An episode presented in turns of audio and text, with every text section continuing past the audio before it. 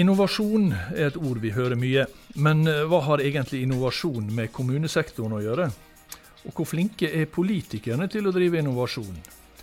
Og er den politiske styringa i seg sjøl moden for innovasjon? Der livet leves, en podkast fra KS. Velkommen til KS-podden Der livet leves. Jeg heter Kjell Erik Saure, og temaet i dagens episode, om noen skulle være i tvil, det er altså innovasjon og mer spesielt politisk innovasjon. Nå er innovasjon noe som gjerne blir forbundet med privat næringsliv, og kanskje særlig med gründerbedrifter. Er noen smarte og driftige folk som ser nye muligheter.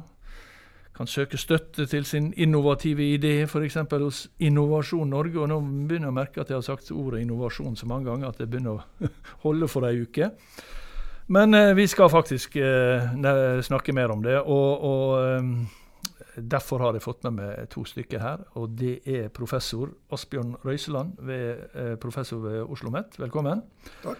Og så er det Une Tangen, som er seniorrådgiver i KS. Velkommen tilbake. Takk. Du var jo for øvrig sist, Da snakka vi om utenforregnskapet. Det var jo også en eh, innovasjon. Det var en innovasjon. Ja. Det er helt sikkert. Fordi at eh, Vi kan jo begynne med ordet, siden jeg nå allerede har sagt det 150 ganger. Kan vi si at innovasjon er forandring som fører til at ting gjøres på nye og bedre måter? Er det en forklaring dere kan leve med? Er det omtrent er det det det er? Eh, ja, altså Fra et forskersynspunkt så er ja. det kanskje litt dristig å definere innovasjon som forbedring. altså per ja, definisjon. Så det er bare endring? Det er bare endring, men ofte så vil jo sånne endringer og de, i, i, altså Innovasjon igangsettes jo med forventning om forbedring, men det er jo ikke alltid at verden forbedres gjennom innovasjon. Nei. Så det må vi ha øynene åpne for. Uh, uh, Une, det er to år siden eh, KS lanserte det første innovasjonsbarometeret. Og det, jo, eh, det det viste, var jo på en måte at det foregår mye innovasjon i kommunene. Og bortsett fra ordet da, innovasjon, som er nytt, og, eller nytt eller, Det er noen år, det òg, da, men moderne ord som brukes i tide og utide, så er jo ikke akkurat innovasjon noe nytt for kommunesektoren. Asbjørn? Nei, på ingen som helst måte. Og Norske kommuner har jo en lang lang tradisjon for å drive det som vi i dag vil kalle for innovasjon. Tenk mm. f.eks. på at uh, mye av det som vi i dag forbinder med velferdsstaten, i trygdeordninger og sånn, jo faktisk ble utvikla i kommunesektoren i sin tid. Og ja. Dessuten uh, har jo kommunene vært veldig flinke til å ta i, bruk teknologi. og En gang så var det en kommune som begynte å ta i bruk telefon, f.eks. Eh, og det var jo i den tids eh, innovasjon. det var jo voldsom innovasjon. Eh, for eh, ja. Una, altså, dere, dere, definerer her eh, innovasjon som endringer i, eller vesentlig endrer tjenester, produkt, prosesser eller måte å organisere arbeid på, eller måte å kommunisere med omverdenen på. Og. Der fant dere som sagt sist at det, det, det, her foregikk det mye i kommunene. Nå kommer dere altså med et nytt uh, innovasjonsbarometer mm. som vel skal presenteres uh, i forbindelse med kommunalpolitisk toppmøte om uh, litt over ei uke. Mm. og da ser dere på politisk innovasjon. Og hva blir da politisk innovasjon? Ja, eh, vi lanserte jo Innovasjonsbarometeret i 2018, og det viste oss Det ga oss egentlig veldig mye mer kunnskap om hva som skjer i kommunal sektor på eh, Jeg er helt enig i at eh, kommunal sektor alltid har vært innovativ og funnet nye løsninger. Og så er, er vi kanskje i en situasjon nå hvor vi ser at man står overfor noen større utfordringer som kanskje krever litt større grep. Mm. Eh, og da så vi i den undersøkelsen i 2018 at eh, man klarer samarbeide med nye aktører, man klarer å finne løsninger på de problemene man har, og det man ser ikke virker godt nok. Mm. Uh, og så uh, vet vi jo at det for, uh, fremdeles foregår mye i kommunal sektor, og stadig mer. og det er jo fordi man Det er fordi det er en erkjennelse av at de samfunnsutfordringene man har, ikke kan løses med de løsningene man har i dag. At du faktisk må prøve ut nye ting. Eh, og så har vi vært nysgjerrig på hva er, eh, hva er politikernes rolle i det. Mm. Eh, fordi politikerne er viktige både for å få legitimitet for de nye løsningene. De er viktige fordi det alltid er risiko forbundet med å prøve noe nytt. De må klare å stå i prosesser hvor man kanskje ikke vet helt hvor man går, eller hvor man ender. Så politikerne, for å få til store endringer, så er politikerne viktig. Mm. Men Derfor- Før vi, før Ja. vi går videre på, på, på, på politikken, altså bare la oss ha slått fast det da, at denne forestillinga som noen har, at eh, kommunenes rolle, eller offentlig sektors rolle i det hele tatt i innovasjon, er på en måte å, å legge til rette for innovasjon i privat sektor, det er langt fra det hele Ja. bildet. Mm. Ja. Og så til politikerne, som du var godt i gang med. Altså, et av spørsmålene er rett og slett i, denne, i dette dere har spurt eh, ordførere om, er om kommunestyret og fylkestinget i denne siste valgperioden, altså inntil 2019, 2015 til 2019, har tatt initiativ til innovasjon. Og det er det overveldende flertall som sier at ja, det har de gjort. Mm. Eh, var det overraskende for deg?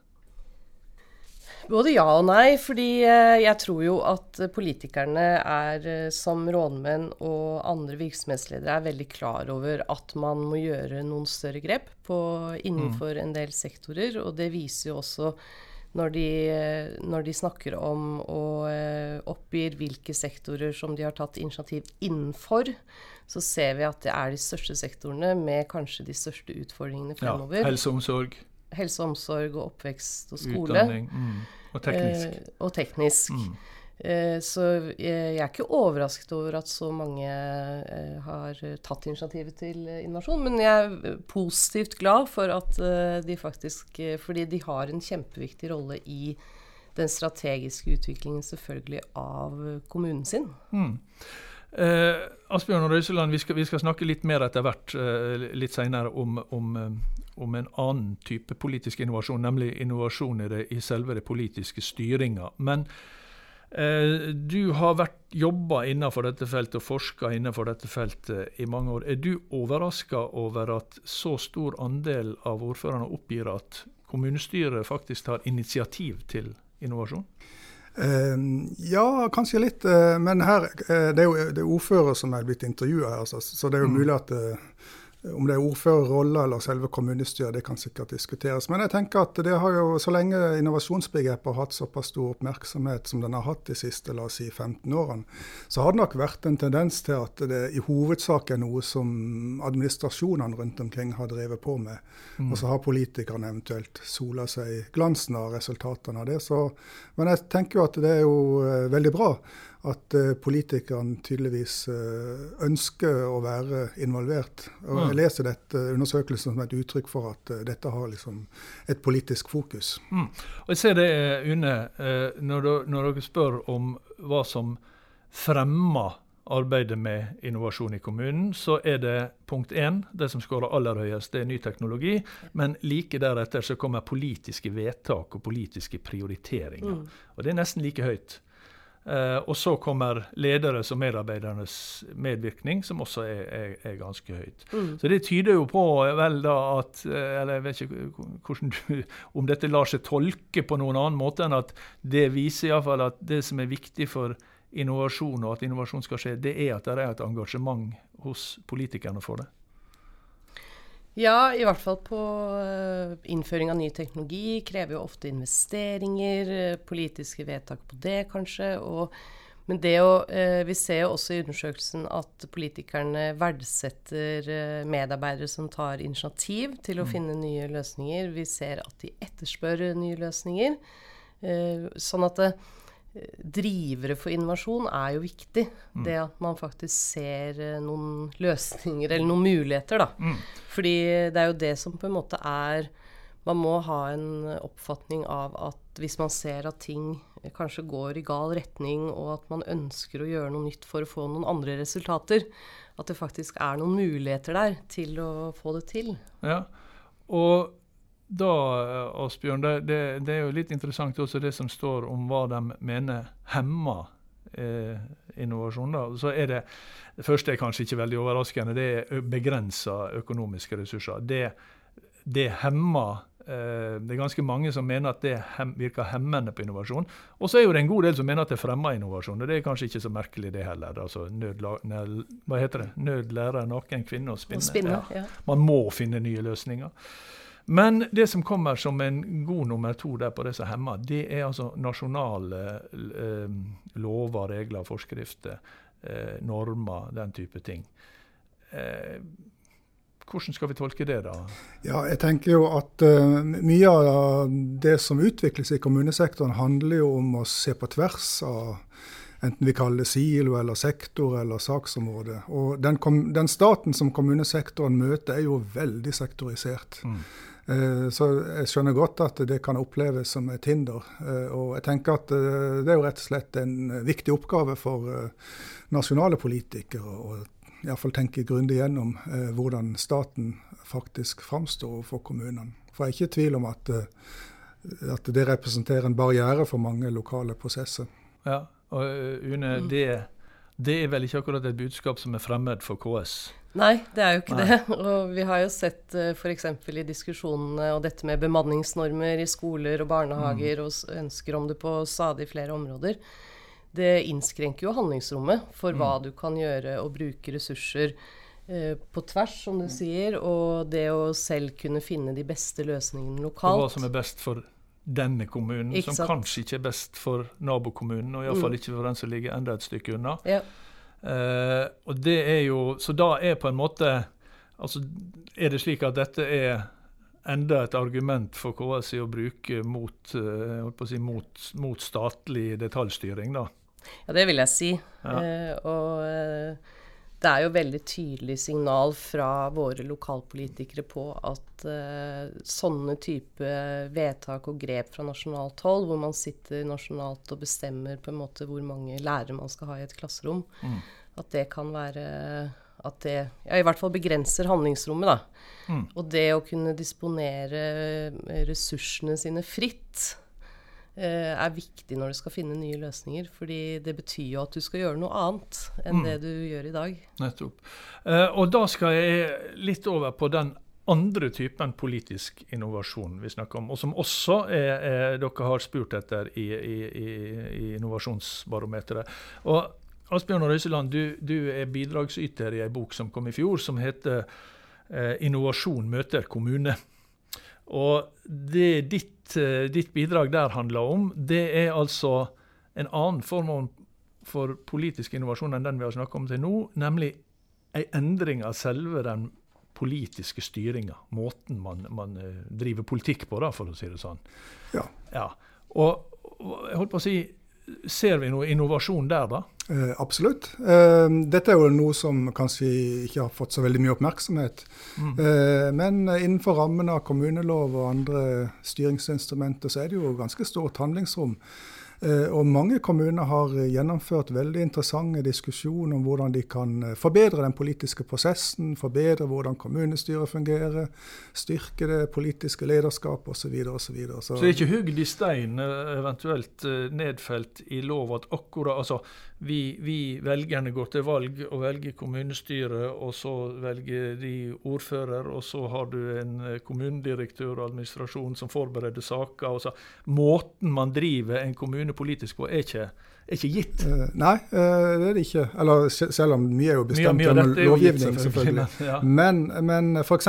så uh, tror jeg nok det er et problem i veldig mange kommuner, eller for veldig mange kommunepolitikere, at kommunestyrene rundt omkring egentlig over tid har blitt redusert til et slags uh, saksbehandlingsorgan som i hovedsak uh, responderer på forslag og saker og utredninger som kommer fra administrasjonen. Slik at det, det kommunestyrene blir på en måte de som altså, de, de, skal fatte vedtaket mens forberedelsene foregår andre plasser. Ja. Og, og, det er jo, ja, og det er jo klart, eh, det er jo ganske kjedelig å være politiker og bare sitte der og, og fatte beslutninger. Så de fleste politikere har jo en, et ønske og en drøm om å være med og definere problem og være mer involvert rett og slett i mm. saker. Og Der uh, har vi studert noen kommuner som har forsøkt å måtte bruke politikerne mer aktivt. og Det kan f.eks. handle om Noen kommuner har eksperimentert med såkalte oppgaveutvalg utvalg. Det handler da om at du lager utvalg som består av en kombinasjon av politikere og vanlige folk som skal utrede en eller annen sak. Noen kommuner har laga ulike former for temamøte eller diskusjonsforum i kommunestyret. Det finnes, du kan lage utredningskomité. Så dette foregår i norske dette kommuner foregår, i, i, ja. dag? Men uh, selvfølgelig ikke overalt. Nei. så vi har vel vært bort. Vi har studert en kanskje 30-40 kommuner som har gjort noe spesielt på dette området. Så det foregår absolutt. Uh, og Une Tangen, som, dere, dette har dere også med spurt om i, i, i Kommunebarometeret. Uh, mm. Og da svarer jo et klart flertall at uh, de også har tatt initiativ til politiske innovasjoner. Og Hvordan definerer dere da politiske innovasjoner i, i denne sammenhengen? Det blir jo eh, litt i samme det som Asbjørn sier her, at man prøver å fornye sin egen rolle som politiker. Ja. Eh, og så gjelder det både kanskje som eh, kollegium, men også i forhold til hvordan man involverer innbyggere på nye måter, næringsliv på nye måter. Altså tar andre grep enn bare de vedtaksprosessene, mm. da. Eh, vi ser jo kommuner hvor det er eh, borgerting. Vi ser eh, i Oslo her på Tøyen ser vi at de eksperimenterer med deltakende budsjettering, hvor innbyggerne på Tøyen får lov til å disponere en del av budsjettet i, i bydel Gamle Oslo. Sånn at det er Og dette kommer jo ikke helt Dette kommer jo fra andre land også. Vi ser ja. samme lignende trender i andre land. Og det er jo en erkjennelse av kanskje at man ikke alltid har all kunnskap i kommunestyret. Mm. Eh, og at eh, ved å trekke inn innbyggere og andre aktører på nye måter, at man faktisk kan få både riktigere beslutninger eh, og gjøre bedre valg, få dekke behov bedre. Treffe riktigere med tiltak, men også det selvfølgelig det å involvere mennesker og innbyggerne tidligere i prosessen gir jo også legitimitet til mm. de beslutningene som tas. Og på innovasjonsfeltet så henger jo dette veldig nøye sammen med hvis du skal gjøre store endringer eh, i tjenestetilbud f.eks., så må du jo faktisk ha Altså det må oppleves legitimt. Det har med tillit å gjøre. Ja, og det er akkurat det, da, eh, eh, Asbjørn Røiseland. Altså, er ikke det et lite dilemma her? da, som Vi snakker om sånn brukermedvirkning, eller altså innbyggermedvirkning. og alle så. Vi har jo faktisk valgt noen politikere til å representere oss. Vi har et representativt demokrati i Norge. De er valgt fra ei liste som, som, og, og står på et program. Og de velger vi ut fra det, så velger vi våre representanter. Blir ikke det da litt å rote det litt til hvis vi skal begynne å, å De som, holdt på å si, de aktive borgerne, da, innbyggerne, skal få mer å si? Eh, jo, det kan du ha rett i. og jeg tenker at uh, Det finnes jo spenning i dette systemet. Det, det er liksom sånn at uh, Ulike ideer om demokrati lever på en måte side om side. Ja. Vi har en idé om direkte demokrati og en annen idé om representativt demokrati. og Det er ikke alltid dette passer helt bra sammen. Det så vi f.eks. i kommunereformen, hvor mange kommuner hadde jo folkeavstemning om, ja. med ofte lav oppslutning. og Så oppsto diskusjonen skal vi fatte denne beslutningen i kommunestyret, eller skal vi bare høre på folket. Så ja. det er ikke helt uh, alltid, no, uansett, alltid enkelt. Det, det, som blir, blir poengtert alltid med, med, det representative demokratiet, er jo dette med, med makt og ansvar. Ja. Altså at du, du, står ansvarlig overfor velgerne, og innbyggerne kan på en måte ikke stå ansvarlig overfor noen.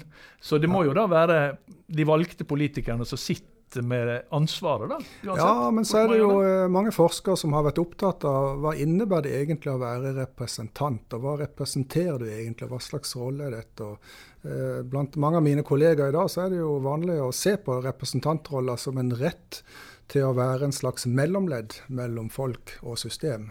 Ikke ja. sant? Mens, eh, og ikke sånn suveren leder. Du skal ikke representere partiet du er valgt på? Ja, partiene men, kommer jo òg inn. Men, ja. og, og, jeg tenker at uh, mange av de partiorganisasjonene de, eh, de, er jo vel altså Det, det burde egentlig vært uh, det ville vært bra for systemet hvis vi klarte å gjen, uh, gjen opp, gjenreise eller oppruste partidemokratiet. For det er jo faktisk veldig få som deltar i Så der er det jo også et, det er faktisk òg et område for innovasjon i, i, de politiske partiene som, som gjerne skulle hatt mye mer aktivitet enn de har i dag. Mm.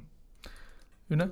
Jeg tror mye av det handler om også at uh, når vi snakker f.eks. oppgaveutvalg, hvor det sitter representanter fra kommunestyret sammen med innbyggere som går på spesielle temaer, så han, tror jeg mye av det handler om ting som er vanskelig å løse, og som man kanskje ser med at man får bedre løsninger hvis man uh, faktisk snakker med dem som politikken skal gjelde mm. og omhandle.